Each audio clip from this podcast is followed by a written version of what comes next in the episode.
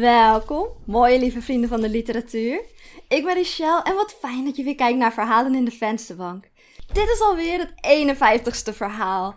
We zijn vorig jaar in januari begonnen met een doel. Met het doel elke week een verhaal te schrijven. 52 verhalen in één jaar. En nou ja, dit is alweer het na laatste verhaal van dit jaar. En het ziet er naar uit dat het gaat lukken, want het laatste verhaal heb ik ook al ideeën voor. Dat zal aardig onderweg. Dus het ziet er naar uit dat we ons doel gaan halen. Maar of dat is echt zo is, moet je natuurlijk volgende week gaan zien. Ja, en dan volgend jaar. Wat gaat er volgend jaar gebeuren? Hoe gaan we 2022 in? Ik heb er een aantal ideetjes voor. Ik heb nog niet helemaal 100% de knoop doorgehakt. Um, maar ik zou zeggen, hou YouTube in de gaten. Want ik ga sowieso een, een een klein vlogje maken met een terugblik en een vooruitblik. En dan, dan vertel ik alles over nou ja, hoe 2022 eruit gaat zien. Maar voor nu gaan we samen genieten, luisteren, lezen. Uh, het kerstverhaal van Verhalen in de Vensterbank. En, nou ja, normaal zijn kerstverhalen natuurlijk vol met liefde, hoop, gulheid, vrede. Um, maar dit kerstverhaal niet. dit kerstverhaal gaat over uh, jaloezie, competitiefheid, uh, over, over verwachtingen die niet ingelost worden, over het gevoel van afwijzing en het gevoel van eenzaamheid. Het verhaal heet Geen wedstrijd. Geen wedstrijd geschreven en voorgelezen door Richelle en Edens. Het was geen wedstrijd. Liefde is geen wedstrijd, dat wist ik heel goed. Het was kinderachtig en kleinzerig om er competitief over te zijn. En toch kon ik het niet helpen. Steeds weer gleden mijn ogen naar het keramieke klokje op de schoorsteenmantel. Treiterend snel gleden de minuten voorbij. Dik tien minuten zat die kleine nu al bij mijn man op schoot. Ze sabbelde op haar knuisje en ze speelde wat met een prentenboek. Bij mij zat ze doorgaans al na tien seconden te jengelen en te draaien. Hé hey Iris, zei ik. Ik leunde over de armleuning van de bank naar de stoel waar Gerard in zat. En speels trok ik aan het vlechtje van mijn kleindochter. Wat een mooie haren! Heeft mama die mooie vlechtjes bij je gemaakt? Mijn zoon lachte. Hoezo moet Mirna dat doen? Ik kan toch ook mijn dochters haar vlechten? zei hij. Heeft papa die vlechtjes gemaakt? vroeg ik. Iris verstopte zich in de schouder van mijn man. Hé, hey, zei ik. Ik steek zachtjes over haar schouder. Niet bang zijn, lieverd. Je bent toch niet bang voor oma? Ze is gewoon een beetje verlegen, zei mijn zoon. Er zijn hier veel meer mensen dan ze gewend is natuurlijk. Ik keek de woonkamer rond. Echt druk vond ik het niet. Er zaten maar twee mensen meer dan wanneer ze normaal gesproken in het weekend met Iris op bezoek kwamen. Op de twee bijgeschoven eetkamerstoelen zaten mijn andere zoon en zijn nieuwe vriendin. Mijn derde zoon zat ergens in Brabant, bij zijn schoonouders. Heb jij al een chocolaatje gegeten? vroeg ik aan Iris. Wil je een kerstkransje? Je kunt er eentje van de etagère kiezen, of misschien hangt er ook nog wel eentje in de boom. Zullen we samen even bij de kerstboom kijken? Iris negeerde me volledig. Ze reikte naar een plastic auto waar mijn eigen kinderen vroeger ook mee gespeeld hadden. Ze schudde de auto heen en weer en lachte trots wanneer ze het belletje aan de binnenkant hoorde rinkelen. Lieverd, wil je met oma bij de kerstboom kijken? vroeg Mirna om me te helpen. Misschien heeft oma Evelien ook wel een klein vogeltje in de boom. Net als dat vogeltje wat je bij oma Greet zo mooi vond. En misschien liggen er wel cadeautjes onder de boom. Lagen er bij oma Greet ook cadeautjes onder de boom? Vraag ik. Ik weet dat ik dat niet moet doen. Ik, ik weet dat ik er geen wedstrijd van moet maken. Het maakt niet uit hoeveel snoep en cadeaus bij de andere oma krijgt, toch? Ik mag dit niet voelen van mezelf. Als het andersom was en oma Greet zou iets soortgelijks over mij voelen, dan zou ik haar zo hard veroordelen. Ik probeerde me vrolijk en gezellig te voelen. Misschien, als je lief bent geweest, heeft de kerstman ook een cadeautje voor jou gebracht. Ben je lief geweest, schat?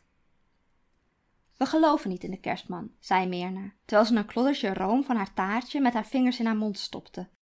Je hebt al Sint Maarten en 5 december, dat is allebei genoeg suiker en spanning. Dus die cadeaus zijn gewoon. Ik haalde mijn schouders op en wees naar de kerstboom.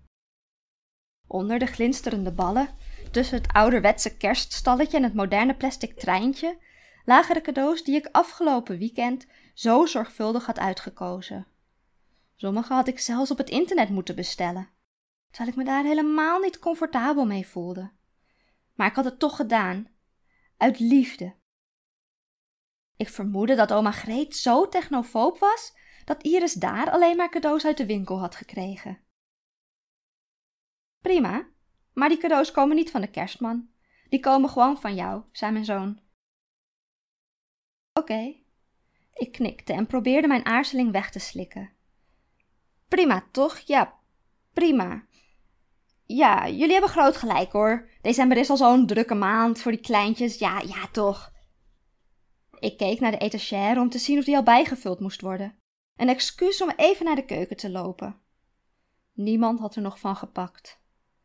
Ik wreef mijn handpalmen over mijn broek. Het maakte niet uit. Ze zaten allemaal nog aan hun taartjes. Gezellig, hè? zei ik. Ja, dit is, dit is gezellig zo, zo met z'n allen bij elkaar. Er kwam wat halfhartig instemmend gemompel en daarna ging het gesprek verder. Ze hadden het over kortingsbonnen voor de winterefteling en hoe duur de entree van sommige kerstmarkten was. Ik glimlachte naar mijn man en ik reikte naar zijn hand en kneep eventjes zachtjes in zijn vingers. Hij knipoogde naar me, geruststellend, met twee ogen tegelijk. Klein en bijna onmerkbaar zag ik Iris wegdeinzen van mijn hand. Misschien zat het alleen maar in mijn hoofd. Ik keek naar mijn man, maar die had het blijkbaar niet gezien. Niemand had het gezien. Deels was dat een opluchting. Het was beschamend dat mijn eigen kleinkind niets met me te maken wilde hebben. En het was niet eens de eerste keer dat ze zo reageerde. Eerder al, toen we aan het oppassen waren en mijn man en ik met haar in de kinderwagen naar het speeltuintje op de hoek van de straat waren gelopen, toen al wilde ze niet door mij opgetild worden. Zelfs niet om boven op de glijbaan te worden gezet. Terwijl als mijn man haar boven op de glijbaan zette, dan kraaide ze van plezier. Ik bestudeerde het kleine hummeltje op de schoot van mijn man. Ze had de bolle wangen die mijn zoon ook had gehad als kind. Op het rode jurkje met zilveren sneeuwvlokken prijkte een witte vlek van het een of ander. En vanwege het sabbel op haar vingers was haar hele kin bekwijld. Kom, zei ik. Ik pakte een zakdoek en veegde haar kinnetje droog. Dat vond ze niet leuk. Zo, nu ben je weer helemaal netjes schoon, zei ik vrolijk. Wil jij samen met oma even bij de cadeautjes kijken? Ik denk dat we zo wel kunnen beginnen met het uitpakken van de cadeautjes, niet waar? Ze keek me aan, maar zei niets. Kom, zei ik. Ik stak mijn armen naar haar uit en tilde haar van mijn mans benen. Bijna onmiddellijk begon ze te jengelen en te draaien. Ik trok haar tegen me aan en sloeg mijn armen om haar heen. Een geforceerde knuffel met een zeer onwillig kind.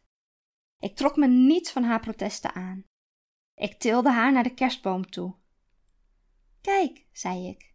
Ik wees met mijn vinger naar de pakjes onder de boom. Zie je dat? Allemaal cadeautjes. Denk je dat er ook eentje voor Iris bij zit? Ze woelde zoveel dat ik haar voetjes even op de grond moest zetten. Mijn arm om haar buik, mijn knie blokkeerde de weg terug naar mijn man.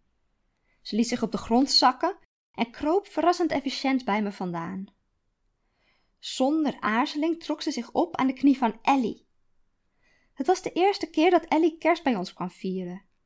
Zij en mijn jongste zoon waren pas een paar maanden bij elkaar. Ellie was zo goed als een vreemdeling voor Iris. Ja, toch? Ellie was een leuk meisje, daar niet van. Maar op dit moment kon ik even niets positiefs over haar bedenken. Ze was slonsig gekleed. Wie trok er nou een spijkerbroek aan? Naar kerst bij je schoonouders. En dan die manier waarop ze Iris op en neer wipte op haar knieën. Zo wild. Dat deed je toch niet? Ik dwong mezelf om iets liefs over Ellie te bedenken. Ze had mooie schoenen. Telde dat? Ze had mooie tanden, mooie rechte tanden. En dat resulteerde in een reclameglimlach. Een commerciële reclameglimlach. Punt. Die gedachte was aardig genoeg, besloot ik. Het was geen wedstrijd, het was geen afwijzing, het was geen. Het was zoveel dingen niet, maar eigenaardig was het wel. Eigenaardig en raar. Alle kinderen zijn van nature dol op hun oma. Ik heb haar toch niks misdaan? Ik ben altijd zo lief en zorgzaam voor haar geweest. Kijk eens, zei Ellie. Wat zijn dat? Doodjes, zei het meisje. Zullen we er eentje uitpakken? vroeg Ellie. Welke zullen we als eerste uitpakken? Ze keek mij aan en ik pakte een cadeau voor Iris van onder de boom. Die is mooi. Nu gaan we die uitpakken, zei Ellie. Ze ging weer op haar eigen stoel zitten met het meisje op haar schoot. En ze liet de kleine Iris aan het papier trekken, net zolang tot de peuter begon te jengelen. Heb je hulp nodig? vroeg ik. Kom maar, kom maar bij oma op schoot, dan pakken we samen je cadeautje uit. Zonder op antwoord te wachten trok ik het meisje uit de armen van mijn schoondochter. Ik scheurde het papier van het cadeau af en liet haar de houten puzzels zien die ik voor haar had uitgezocht. Dat is mooi, zei ik. Kijk eens, met allemaal dieren. Een otter en een olifant. En wat is dat, Iris? Ik wees naar een konijn. Ze was luider en luider aan het jengelen en ze maaide met haar armpjes en ze trok haar rug helemaal hol in een poging om van mijn schoot af te glijden. Maar dit keer liet ik haar niet gaan. Bijna dertig minuten lang had ze bij anderen op schoot gezeten. Nu had ik recht op mijn dertig minuten. Is dat een konijn? vroeg ik. En wat doet een konijn? Doet een konijn zo? Snuf, snuf, snuf. Ik trok mijn neus een paar keer op. Laat haar toch lekker lopen, zei mijn man. Ze heeft duidelijk geen zin om stil te zitten. Ik negeerde hem. En zie jij ook een poes op het plaatje, lieverd? En wat zegt de poes? Zegt de poes miauw. Het gejengel van het meisje ging langzaam over in een luid gekrijs. Geef maar, zei Mirna. Misschien heeft ze een schone broek nodig. Dat kan ik ook wel doen hoor. Ik ruik niets trouwens. Ik tilde Iris op zodat ik mijn neus tegen haar luier kon drukken. Ze maaide met haar armen. Een stekende pijn in mijn lip. Fuck, zei ik. Ik greep naar mijn mond. Kleine trut. Ik voelde mijn hartslag kloppen in mijn lippen. Met een branderig, tintelend gevoel leek hij steeds meer op te zwellen. Iris gleed van mijn schoot af en stortte zich huilend in de armen van haar moeder. Ik luisterde niet eens naar de sussende woorden verderop in de kamer. Ik, tepte mijn lip met mijn vingers en zag een klein spikkeltje bloed. Wat gebeurde er? vroeg mijn man. Ze sloeg die puzzel tegen mijn mond, zeg ik. Niet expres, zei mijn man. Je moet jezelf ook niet zo opdringen, zei mijn zoon. Je wilt te graag, je vraagt te veel aandacht van haar. Ze is geen pop. Dus nu is het mijn schuld, zeg ik. Ze noemt haar kleinkind geen stomme trut, zei Mirna. Als ze niet haar excuses aanbiedt, gaan we nu meteen naar huis. Ze zei het tegen mijn zoon, niet eens direct tegen mij. Sorry, mompelde ik, al werd mijn gevoel van wrok daardoor alleen maar groter. Ik meende het niet, het was de schrik en de pijn, zei ik. Haal anders even wat ijs voor op je lip, zei mijn man. Ik stond op en liep naar de keuken. In het voorbijgaan stapte ik expres op een van de cadeaus die nog voor Iris onder de boom lag. En tot mijn tevredenheid hoorde ik iets breken.